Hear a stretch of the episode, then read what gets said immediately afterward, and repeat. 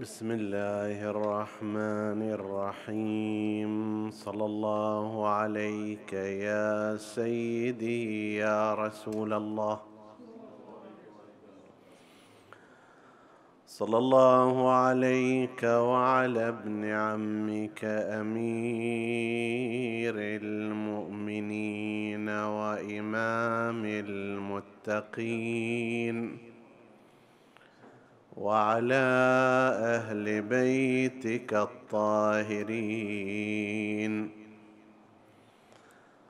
صلى الله عليك يا سيدي يا أبا عبد الله الحسين. ما خاب من تمسك بكم وأمن من لجأ إليكم. يا ليتنا كنا معكم فنفوز فوزا عظيما. قد أوهنت جلد الديار الخالية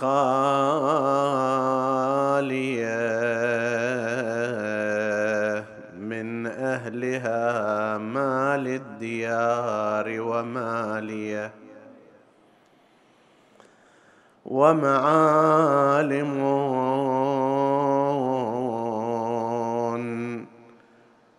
أضحت مآتم لا ترى. فيها سوى ناع يجاوب ناعيه.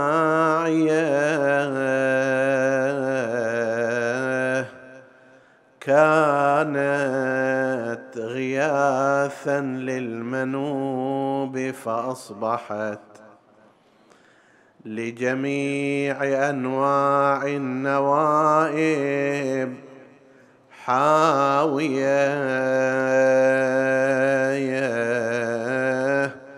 ورد الحسين إلى العراق وظنهم تركوا النفاق إذ العراق كما هي.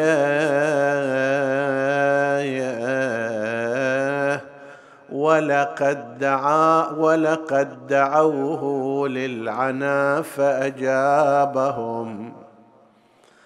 ودعاهم لهدى فردوا داعيه ماذا قطع فراتهم حتى قضى وحسينا؟ ماذا قطع مفراتهم حتى قضى ظمأ فغسل بالدماء القانية. يا ابن النبي المصطفى ووصيه. وأخ الزكي ابن البتول الزاكية. تبكيك عيني لا لأجل مثوبة. لكنما عيني لأجلك بايا.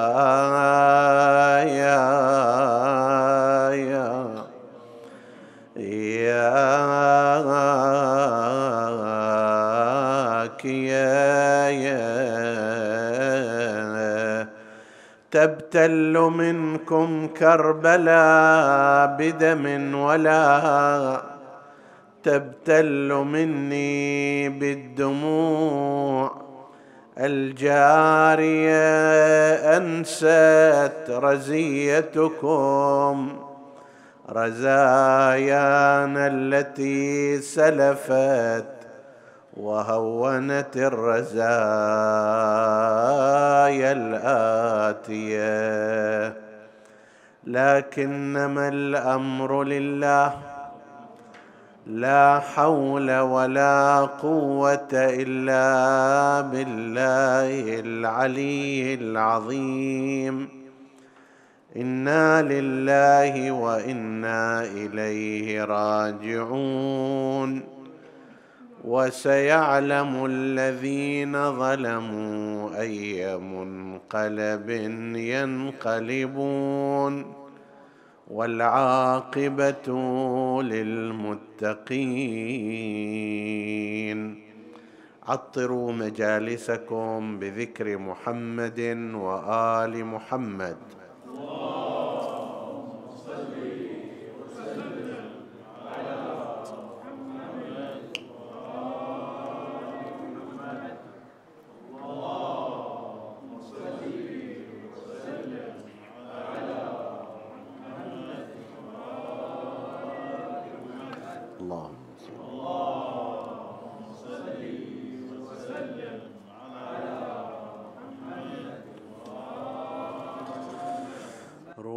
سيدنا ومولانا رسول الله صلى الله عليه وآله أنه قال من سلك طريقا يطلب فيه علما سلك الله به طريقا إلى الجنة وإن الملائكة لتضع أجنحتها لطالب العلم رضا بما يصنع.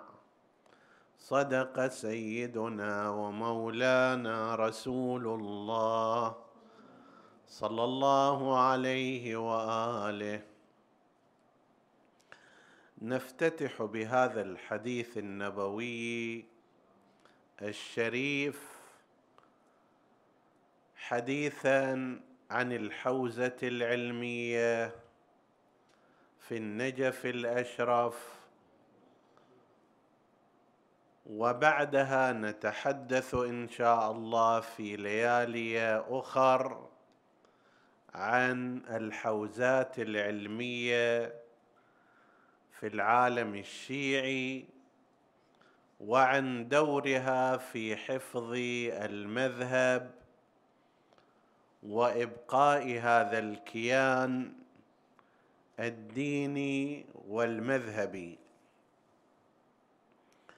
في البداية قبل أن نتحدث عن مرحلة التأسيس لحوزة النجف العلمية وهي كانت ولا تزال أكبر الحوزات العلمية من حيث تراثها وشخصياتها.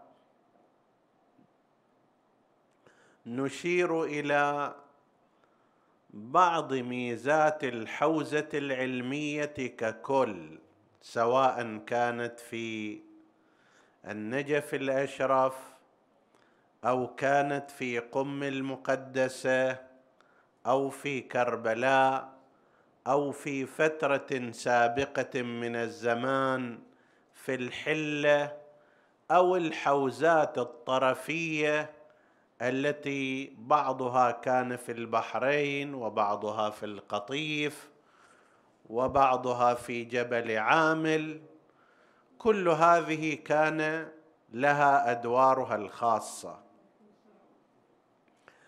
أول ميزة من ميزات الحوزة العلمية لدى الطائفة الشيعية أنها الخزان العلمي الذي منه يبرز قادتها سواء كانوا مراجع الطائفة أو كانوا وكلاء المراجع أو كانوا حتى خطباء مجالس الحسين. يعني نحن نلاحظ مثلا في نظام الجامعات الحديث الغالب أن الدرجات العالية للدكاترة والإستشاريين وغيرهم غالبا ما تكون خارج إطار نفس الجامعة بل أحيانا خارج إطار البلد. لا بد أن يذهبوا إلى مثلا أوروبا أو إلى أمريكا حتى يحوزوا على أعلى الدرجات والمراتب العلمية. بينما هذا الأمر ليس كذلك في الحوزات العلمية. في نفس الحوزة العلمية مثلا في النجف الأشراف يبدأ العالم من بدايات دراسته إلى أن يصل إلى المرجعية العليا للطائفة. في نفس هذه الحوزة في نفس هذا التجمع العلمي.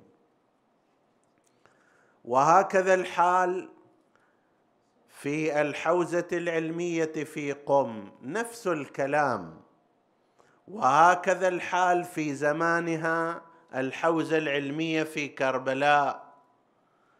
فهذه الحوزة هي نفسها تنتج مرجع التقليد وتنتج أيضا الخبراء الذين يقال لهم هم أهل الخبرة في تعيين من هو الأعلم بين العلماء؟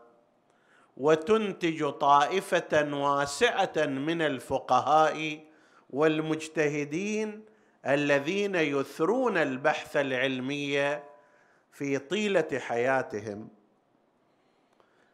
كذلك أيضا منها يتخرج الوكلاء منها يتخرج العلماء منها يتخرج الخطباء بل الأدباء والشعراء.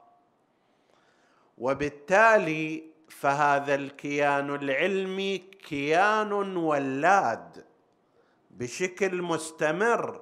هو لا يحتاج إلى شيء آخر.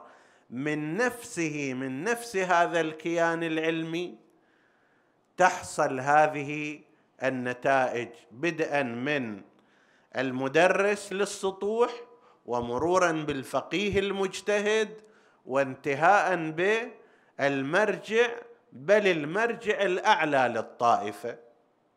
هذا واحد من ميزات الحوزة العلمية. من هنا رأينا أن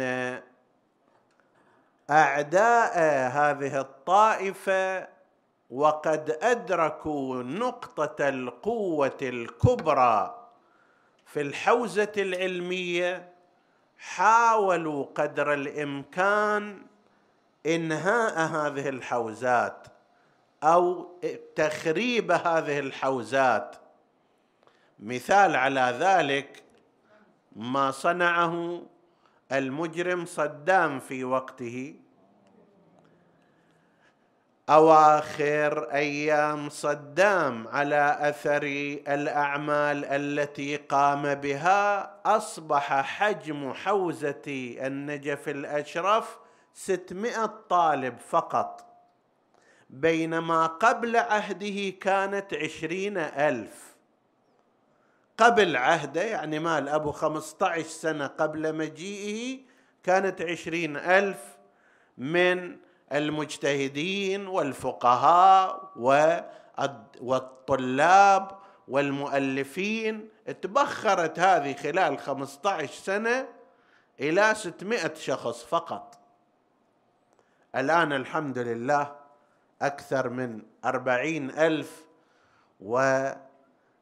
والعدد في زيادة لكن أريد أبين إلى كيف أن أعداء المذهب حاولوا أن يضعفوا هذه النقطة القوية فيه من خلال تفتيت هذا الكيان مضايقة العلماء طرد العلماء قتل العلماء سجن العلماء.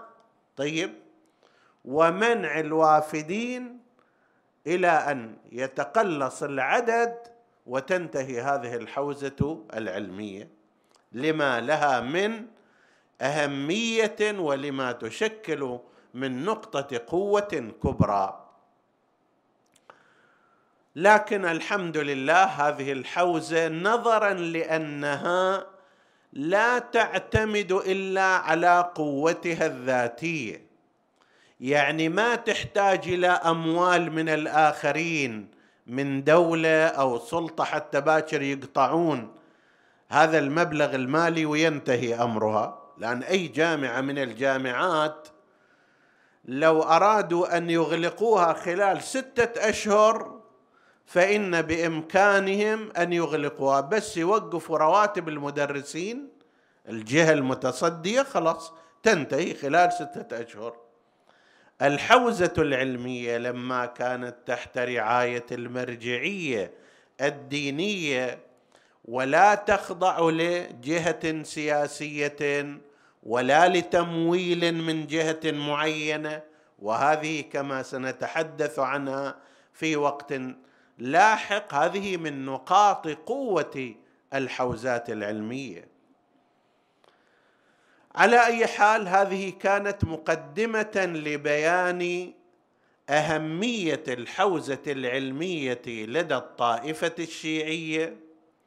وكيف أن هذه الحوزه لما كانت على هذه الدرجة من الأهمية كانت محلا لمؤامرات الأعداء. الآن من الممكن ما في أحد يجي يغلقها على طريقة ذلك الرجل المقبور الهالك ولكن قد يأتي شخص أو أشخاص بإثارة الشبهات والتشكيكات وإفقاد الناس الثقة بهذا الكيان. هذه أيضا نوع من أنواع محاربة الحوزة العلمية.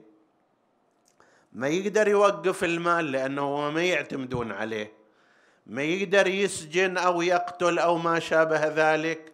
فماذا يصنع؟ يقوم بإثارة الشبهات والتشكيكات حتى يفصل الناس عن هذا الكيان المتميز. بعد هذا سيكون لنا إن شاء الله هذه الليلة الحديث عن الحوزة العلمية في النجف الأشرف باعتبار أنها من أوائل الحوزات العلمية. طبعا سبقتها قم قم المقدسة كانت كحوزة علمية من زمان الصدوقين يعني من حدود سنة 350 هجرية. لكن هذه راح نخليها إلى حديث متأخر إن شاء الله. الحوزة العلمية اليوم في النجف باحتوائها ليس اليوم وإنما من فترة طويلة باعتبار أنها في الغالب كانت تمثل المرجعية العامة للشيعة فيها وبالإضافة إلى وزنها التاريخي أخذت موقعا متميزا في وسط شيعة أهل البيت صلوات الله وسلامه عليهم. طيب. بداية تأسيس الحوزة العلمية في النجف الأشرف كانت على يد شيخ الطائفه الطوسي شيخ محمد بن الحسن الطوسي المعروف بشيخ الطائفة. المتوفى سنة 460 هجرية. شيخ الطوسي كان مقيما في بغداد وكانت حوزته الأصلية وتعليمه في بغداد وكان من ذلك الجيل اللي سبقه سبق الشيخ الطائفه الشريف المرتضى رضوان الله تعالى عليه والشيخ المفيد. وسنتحدث إن شاء الله عن حوزة بغداد في وقت من الأوقات. على أثر ظروف حصلت في بغداد عندما هاجم المتعصبون السلاجقة الأتراك. قبلهم كانوا بنو بويه. بنو بويه كانوا شيعة. وكانوا قد أتاحوا الحرية لكل المذاهب أن تعمل في بغداد. أي واحد عنده درس خليه يدرس ما عندهم مشكلة. أي فئة دينية تريد تشتغل خل تشتغل. بل أكثر من هذا كان في بني بويه زمان البويهيين الشيعة في بغداد عندما كانوا قد سيطروا عليها قاضي القضاة كان سنيا وهو عبد الجبار المعتزلي. القاضي عبد الجبار المعتزلي كان سنيا وهو قاضي القضاة بس كان إذا تقاضى إليه شيعة يفتيهم على وفق مذهبهم وإذا تقاضى إليه من غير الشيعة يفتيهم على مذهبهم. أريد أبين لك كيف أن هؤلاء الحكام الشيعة في وقتهم كان عندهم من سعة الأفق هالمقدار اللي يصير المفتي العام وقاضي القضاة من غير مذهبهم. هذا يحتاج إلى إلى أفق واسع. وإلى شرح للصدر.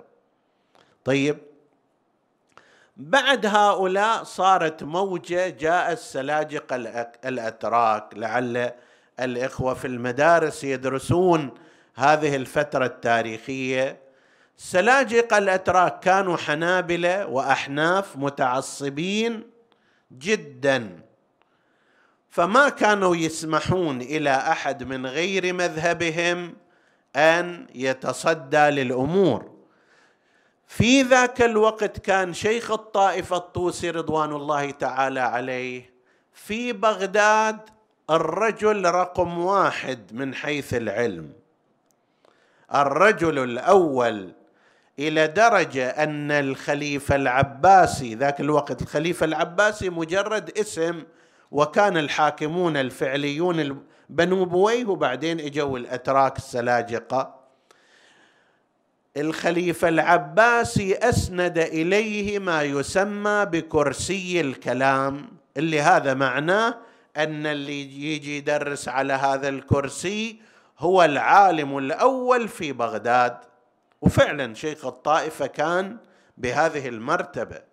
كان عنده إحاطة بعلماء بآراء علماء المذاهب الأخرى لا نظير له. واحد إذا يرجع إلى كتابه الخلاف يشوف معرفته مو بالمذاهب الأربعة بل بالمذاهب الثمانية بل ب 12 مذهب من غير مذاهب من غير مذهب الشيعة وتشوف عنده آراء فيها ومناقشات فهذا كان هو الرجل الأول وعنده مكتبة عظيمة جدا قيل إنها احتوت على نحو ثمانين ألف كتاب. اليوم ثمانين ألف كتاب هي شيء كثير جدا فكيف بذلك؟ الزمان اللي ما كان مطابع ولا كان كذا والغالب كان فيه استنساخ يدوي. فكان عنده هذه المكتبة العظيمة وهو كشخص كان مرجع الطائفة بكاملها وبالإضافة إلى ذلك كان عنده إحاطة بآراء مذاهب أهل السنة. لما إجوا المتعصبون الأتراك السلاجقة صارت فتنة طائفية حرضوا على الشيعة صار قتل وقتال هجموا على مكتبة شيخ الطائفة الطوسي وأشعلوا فيها النار ثمانين ألف كتاب من أفضل ما كتب علماء المسلمين على اختلاف مذاهبهم في مختلف العلوم يعني مو كلها فقه وأصول وتفسير في مختلف العلوم. هذه كلها أتلفت وأحرقت.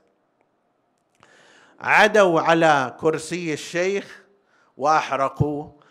ذهبوا وراء الشيخ في بيته حتى يقتلوه فخرج شيخ الطائفة الطوسي رضوان الله تعالى عليه من بغداد متخفيا فارا من القتل لأن أثناء الفتنة أثناء الفوضى الاجتماعية حسب التعبير ما تعرف يمينك من شمالك من قتل ما يندرى. من أمر بالقتل ما معلوم. لماذا قتل؟ خلاص فدمه يذهب هكذا أدراج الرياح. فانسحب فارا رضوان الله تعالى عليه من بغداد إلى النجف الاشرف طبعا كان بإمكان شيخ الطائفة أن يحشد جماعته وأن يحرضهم على المقاومة لكن هذا كان يصير بحار من الدماء وفتنة طائفية وحرب أهلية لها أول وليس لها آخر. وشيعة أهل البيت عليهم السلام دائما كانوا يفضلون أن يكونوا مظلومين على أن تنشب الحروب والمشاكل الطائفية. بين المسلمين. خلي يصير الظلم علي ما يخالف ولكن أنا أنسحب. فانسحب شيخ الطائفة إلى النجف الأشرف. النجف ذاك الوقت كانت بلدة صغيرة جدا. بيوت محدودة حوالي قبر أمير المؤمنين علي بن أبي طالب صلوات الله وسلامه عليه لذكره صلوا عليه وعلى رسول الله.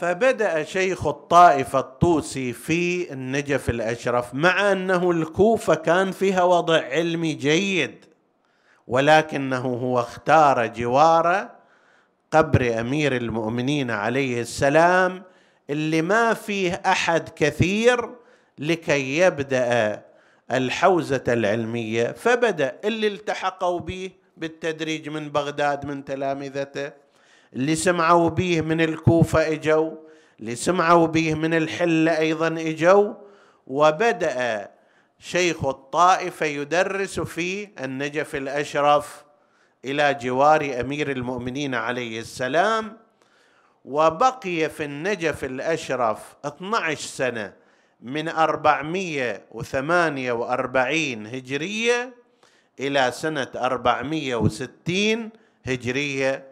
12 سنة بقي فيها في النجف الأشرف وما عاد إلى بغداد بعد خلص قال اللي يريد الدرس اللي يريد البحث اللي يريد كذا أنا موجود في النجف الأشرف مع أنه فيما بعد استقرت الأوضاع في بغداد بعد سنوات طويلة. لكن هو بقي في النجف ورب ضارة نافعة. فعلا لعل هذا الشعر المعروف أردت مساءتي فأجرت مسرتي وقد يحسن الإنسان من حيث لا يدري. ذولاك ارادوا أن يقضوا على الفكر الشيعي وعلم أهل البيت ويحرقوا ويحرقوا الآثار ويقضوا على العلماء ولا سيما مثل شيخ الطائفة لكن هذا جر أن شيخ الطائفة يستطيع أن يأتي إلى النجف ويبدأ هذه الحوزة العلمية المباركة. فبدأ الناس طلاب العلم والمعرفة يجتمعون إليه من مختلف الأماكن. واستمر شيخ الطائفة إلى أن توفي في النجف الأشرف لا ريب أن أكثر الحاضرين ذهبوا إلى زيارة أمير المؤمنين بلغكم الله وإيانا زيارته مرارا وتكرارا إن شاء الله في خير وعافية. فلما توفي شيخ الطائفة دفن قريبا من حرم أمير المؤمنين عليه السلام حيث كان يدرس بعدين هذا المكان صار مسجد هو المعروف الآن مسجد الطوسي فيه قبرة وقد دفن فيه قبل أن يتحول إلى مسجد. تعلمون أن الدفن في المسجد عند علمائنا لا يصح لما ورد في الأدلة عندهم. ولكن هذا كان مكان تدريس شيخ الطائفة الطوسي وبقي سبحان الله إلى الأيام الأخيرة بل إلى يومنا هذا مكان لتدريس العلم. وكأنما لم يستوحي الشيخ الطائفة بأصوات العلماء وبأحاديث أهل البيت عليهم السلام. فبني بعد ذلك مسجد سمي مسجد الطوسي وهو يقع قريبا من حرم أمير المؤمنين عليه السلام. ولمن كان يصلي على يمينه تقريبا يقع هذا المسجد الشريف. بعد وفاته تولى الأمر ابنه ابن شيخ الطائفة ويقال له أبو علي الشيخ أبو علي الحسن ابن محمد بن الحسن الطوسي. وهذا كان عالما جليلا حتى سمي بالمفيد الثاني. أخذ علم والده درس على يد والده وهضم الشريعة بشكل جيد وتفنن في كل العلوم حتى سمي بالمفيد الثاني. إن شاء الله إذا صار عندنا حديث عن حوزة بغداد نتكلم عن علمية الشيخ المفيد رضوان الله تعالى عليه وهو معلم وأستاذ شيخ الطائفة. الشيخ المفيد هو أستاذ الطوسي وكان عالما لا يشق له غبار في مختلف الميادين حتى لقد أقر بذلك المخالفون فتراهم عندما يكتبون عن الشيخ المفيد يعظمون علميته. ابن الشيخ الطوسي يسمونه بالمفيد الثاني كأنه لما كان هذا العالم ابن الشيخ الطوسي كأنه لما كان عالما كبيرا ومتميزا وفحلا شبه بالشيخ المفيد واستمر هكذا في تدريس نفس المناهج الحوزوية قد نشير أيضا في وقت من الأوقات إليها والناس يتكاثرون في الحوزة العلمية في في النجف الأشرف ويقبلون عليها. استمر هذا إلى حوالي سنة 550 هجرية. زمان الشيخ محمد بن إدريس الحلي اللي هذا يعتبر مجدد من المجددين ومع أنه كان حدث السن حتى أنه لما توفي كان عمره دون الخمسين فيما قالوا إلا أنه كان صاحب فكر استثنائي في ذكائه. وهو اجى شاف أن الناس في النجف الأشرف مأسورين بنظريات شيخ الطائفة الطوسي وواقفين عليها نظرا لأنهم كانوا يعظمون شيخ الطائفة. شلون واحد الواحد منا مثلا إذا شاف كلام الإمام يقول ما دام هذا كلام الإمام أنا بعد ما عندي كلام وراه. لأنه معصوم. ولأنه لا يمكن أن يناقش إذا صح الكلام عنه شيخ الطائفة نظرا لعلميته الفائقة وعظمته عند تلاميذه وتلاميذ تلاميذه تحولت نظرياته تحولت نظرياته إلى ما يشبه هذا. ما كان هناك من يجرؤ على مخالفة نظريات الشيخ الطوسي مع أن باب الاجتهاد كما تعلمون عند الشيعة مفتوح كائنا من كان هذا المتكلم ما لم يكن معصوما فيمكن لأي طالب علم أن يناقشه مهما كان ذلك الرجل عالما حريرا وفحلا. المهم أن يكون نقاشه عن دليل وعن علم. بس على أثر كثرة احترام الطلاب طلاب العلم لنظريات الشيخ الطوسي توقفوا هناك. جاء هذا محمد بن إدريس الحلي رضوان الله تعالى عليه وهو أيضا من أسباط شيخ الطائفة. يصير جده من جهة الأم إلا أنه جاء وقال شنو إحنا إحنا لا نقلد الشيخ الطوسي نحن نقلد الأئمة. فأي واحد عنده دليل وبرهان يقدر يناقش شيخ الطائفة خلي يجيبه وهو بدأ بالفعل من نفسه. فكثيرا ما رأينا أن هذا الرجل كان يخالف جده في آرائه وأفكاره وفتح بالتالي الباب واسعا في قضية الاجتهاد. بعد هذه الفترة حصلت ظروف اللي انتقلت الحوزة العلمية فيها من النجف الأشرف إلى الحلة. في الحلة سوف نتحدث إن شاء الله الحلة أكثركم ذهب لأن فيها مزار هناك ومرقد حوالي ستين كيلو متر تبتعد عن النجف الأشرف وبرز فيها عوائل علمية مهمة جدا.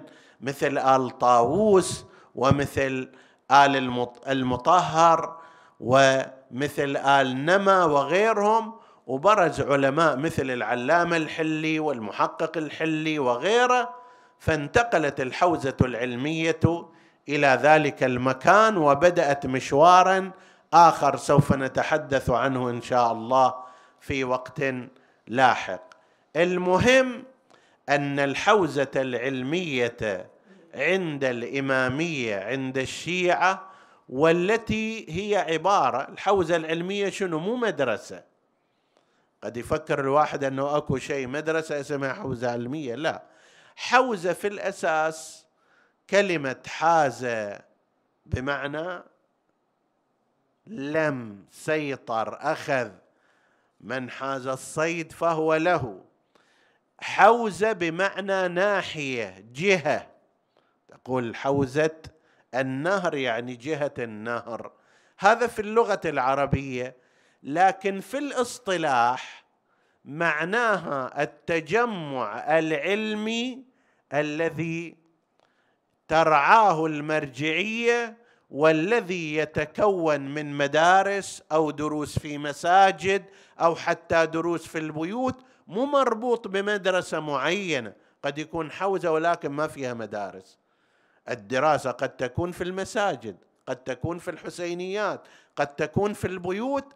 مجموع هذه اللي تدعمها المرجعية وتشرف عليها وتصرف عليها هذه يقال لها حوزة علمية والمصطلح مو قديم جدا. أحد الباحثين وهو الشيخ فيصل الكاظمي وهو أيضا من خطباء المنبر لديه كتاب يقول من أوائل ما رأينا هذا الاستعمال كلمة حوزة علمية رأيناه في سنة 1346 هجرية. هذه التسمية تسمية حوزة علمية ما كانت في ذلك الزمان.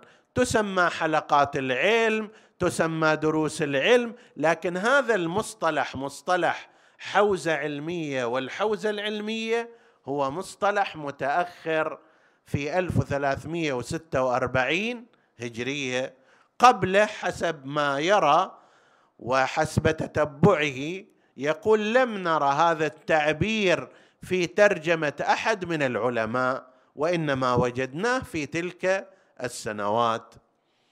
بس هذا الكيان هذا التجمع هذا الشيء اللي من خلاله يتم الاجتهاد يتم تنقيح المباني في فقه أهل البيت عليهم السلام. هذا كان شيئا مبكرا ومن السنوات الأولى الاسم اسم متأخر ولكن الواقع والحقيقة كانت موجودة من زمان متقدم. ونحن نستطيع أن نرجع بعض هذه الأمور حتى إلى زمن أئمة أهل البيت عليهم السلام. أئمتنا صلوات الله وسلامه عليهم كان لهم هذا المعنى من الحوزه بمعنى تدريس الراغبين في العلم في علم آل محمد. صلوات الله وسلامه عليه وعليهم كان من البدايات يعني في زمان أمير المؤمنين عليه السلام في المدينة كان يعلم. في زمان الإمام الحسن المجتبى كان يجلس في المسجد ويدرس. في زمان الإمام الحسين عليه السلام أيضا كان الأمر هكذا واستمر الحال. كل أئمتنا كانوا يمارسون هذا الجانب من التعليم والتدريس والتربية العلمية.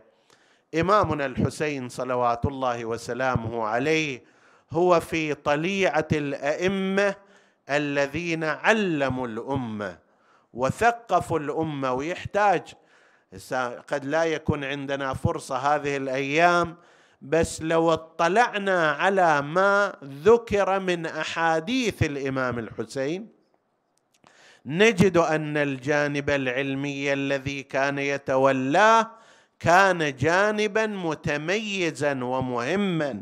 يكشف عن ذلك عدد كبير من الرواة عنه. يكشف عن ذلك عدد كبير من الأحاديث في أبواب العقائد في أبواب الفقه في أبواب القرآن الكريم. كان طيلة بقائه بعد شهادة أخيه الإمام الحسن المجتبى عليه السلام. هو تولى هذا الأمر وأخذ يعطي للناس. إلى أن هلك معاوية بن أبي سفيان في سنة ستين للهجرة في الخامس عشر من شهر رجب وجاء البريد إلى الوليد ابن عتبة ابن أبي سفيان من الشام من يزيد أن خذ البيعة من من الناس عامة وخذها من ثلاثة نفر خاصة وهم عبد الله بن الزبير وعبد الله بن عمر والإمام الحسين عليه السلام وكان المستهدف بشكل أساس الإمام الحسين. فإن أبوا فاضرب أعناقهم بالسيف. قضية كما تعلمون جاء الخبر إلى الوليد بن عتبة واستدعى الإمام الحسين عليه السلام وكان في وقت الليل فجاء الإمام الحسين وقد عرف فيما نعتقد نحن بالعلم الإلهي الخاص الذي عنده يعرف أن معاوية قد هلك وحتى لو قلنا بالعلم العادي لأن معاوية كان في تلك السنوات بعد خلص يعني كان حتى إذا أراد الجلوس يسند له لم يكن يستطيع الجلسة العادية. طيب وكان متوقعا ذلك فالآن هذا الوليد يدعو الحسين عليه السلام في جوف الليل إليه لابد أن يكون خبر من هذا النوع. فاحتاط الإمام الحسين عليه السلام بأن اصطحب معه عددا من أهل بيته. ولما دخل الإمام الحسين على ديوان قصر الإمارة في المدينة نعى الوليد بن عتبة بن عتبة ابن أبي سفيان إليه معاوية ودعاه للبيعة. كان ويا الوليد ابن عتبة مروان بن الحكم. هذول كانا يتنافسان على السلطة وعلى الولاية وكل واحد كان يحفر إلى الثاني حتى يوقعه وهو يصير الوالي على المدينة. ومعاوية في طيلة فترة حكمه لعب بهؤلاء لعبا. كل هذا هؤلاء وياهم أيضا خالد بن سعيد بن العاص. طيب عمرو بن سعيد بن العاص هذول كان يلعب بهم هكذا يولي هذا ويعزل ذاك ويخلي هذا عدة أشهر ثم يعزله ويؤمر عليه الثاني وهكذا. فكان في حالة من الشقاق والنفار والعداوة والتنافس على السلطة. فلما رأى الحسين عليه السلام أنهما جال أنهما جالسان في ذلك القصر قال مستغربا أدام الله الوفاق. أشوف يعني قاعدين سوا والأمور مرتبة بينكم ما الخبر؟ فلما أخبره أن معاوية قد هلك عرف السبب في ذلك. فدعاه الوليد للبيعة الامام الحسين عليه السلام كما تعلمون رفض رفضا مؤدبا. قال يا أمير لا أراك تقنع ببيعتي سرا ولكن ننظر وتنظرون وتصبح ونصبح وتصبحون أينا أحق بالخلافة. وهذه ترى طريقة لو أن الإنسان طبقها في كل حياته لنجح. انت اذا تقدر تدفع الشر وراك افضل من ان تقتحم فيه. تقدر تأجل الموضوع اللي من وراه شر ومشكله أجله لا تصطدم من البداية. الإمام الحسين قال نشوف يوم غد إن شاء الله ونتناقش ونبحث في الموضوع ونتكلم وعسى يصير خير. ما دام الأمر شر ما العجلة فيه؟ ما هذا الوليد ابن عتبة رضي بذلك ولكن مروان بن الحكم وهو مسعر الحروب رجل عجيب في أمره لا يهدأ حتى قضية الإمام الحسن المجتبى توها صايره عندما أرادوا أن يمروا به على قبر جده رسول الله فقال يا رب هيجا هي خير من دعة أيدفن فلان في أقصى المدينة ويدفن الحسن عند قبر جده؟ لا والله وبدأت السهام تنطلق على جهة جنازة الإمام الحسن المجتبى. هذا أمس سوى وهو في قضية عثمان الخليفة الثالث هو اللي كان السبب وراء تصعيد الأمر. رجل سبحان الله لما لعنه لما لعنه رسول الله كانت اللعنة في محلها تماما. فقال للوليد بن عتبة يا أمير لا تقبل منه إن بايع وإلا فأوثقه كتافا واضرب عنقه وإن أبيت عن ذلك فمرني حتى أضرب عنقه. الإمام الحسين عليه السلام أبي الضيم نبض العرق الهاشمي العزيز في نفسه فصاح به أنت تقتلني يا ابن الزرقاء؟ أم هو كذبت وخسئت ولأمت والله لا تقدر على ذلك ولا يقدر على ذلك. صوت الحسين عليه السلام لما ارتفع دخل بنو هاشم يتقدمهم قمر العشيرة أبو الفضل العباس سلام الله عليه. وخرج معهم الحسين سلام الله عليه عازما على الخروج من المدينة ومعه رحله ومعه أهله باتجاه مكة المكرمة. فذهب لوداع قبر جده رسول الله صلى الله عليه وآله. أقبل عليه ونادى يا جداه يا رسول الله. أنا الحسين بن فاطمة فرخك وابن فرختك وصبطك الذي خلفتني في أمتك. فاشهد عليهم يا رسول الله فإنهم لم يحفظوا حرمتي ونسبي. صلى ركعات عند قبر جده ولكنه من التعب أغفى على قبر رسول الله. فرأى جده في المنام وهو يقول له بني حسين هلم إلينا فإن أباك وأخا وأخاك وأمك وعمك. في شوق إليك. قال يا رسول الله خذني إليك. لا حاجة لي في الرجوع إلى هذه الدنيا. قال يا بني إن لك مقاما لا تناله إلا بالشهادة.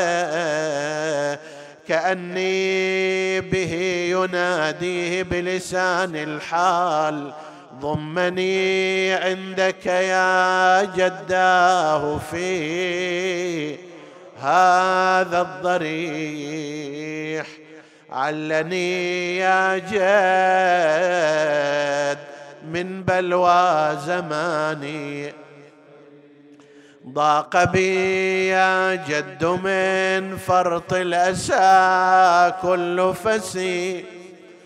فعسى طود الأسى يندك بين الدكتين وحسينا وحسينا وحسين. جد صفو العيش من بعدك بالأكدار شيب وأشاب الهم رأسي قبل إبان.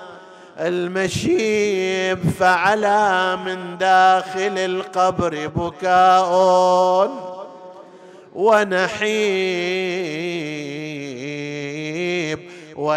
ونداء بافتجاع يا حبيبي يا حسن وحسينا وحسينا. وحسين ستذوق الموت ظلما ضاميا في كربلاء وستبقى في ثراها ثاويا منجدلا وكأني بلئيم الأصل شمر قد علا صدرك الطاهر بالسيف يحز الودج. وحسينا وحسينا وحسين قام الحسين.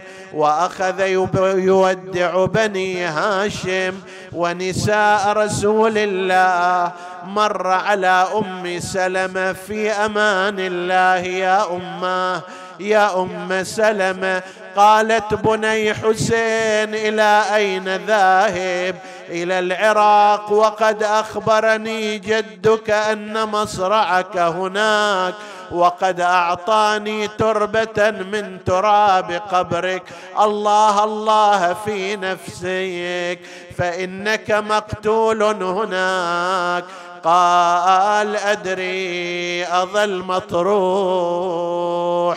برض الغاضريه والصدر هذا يصير تحت الاعوجي وجني بجسمي على الثرى مرمي رهينة عباس خيم قطعاش ما ويم. وراسي على راس الرموح يبرد ضعين وزينب عقب عيني على كور المطية. خرج الحسين من المدينة خائفا كخروج موسى خائفا يتكتم. نسألك اللهم وندعوك باسمك العظيم الأعظم الأعز الأجل الأكرم يا الله.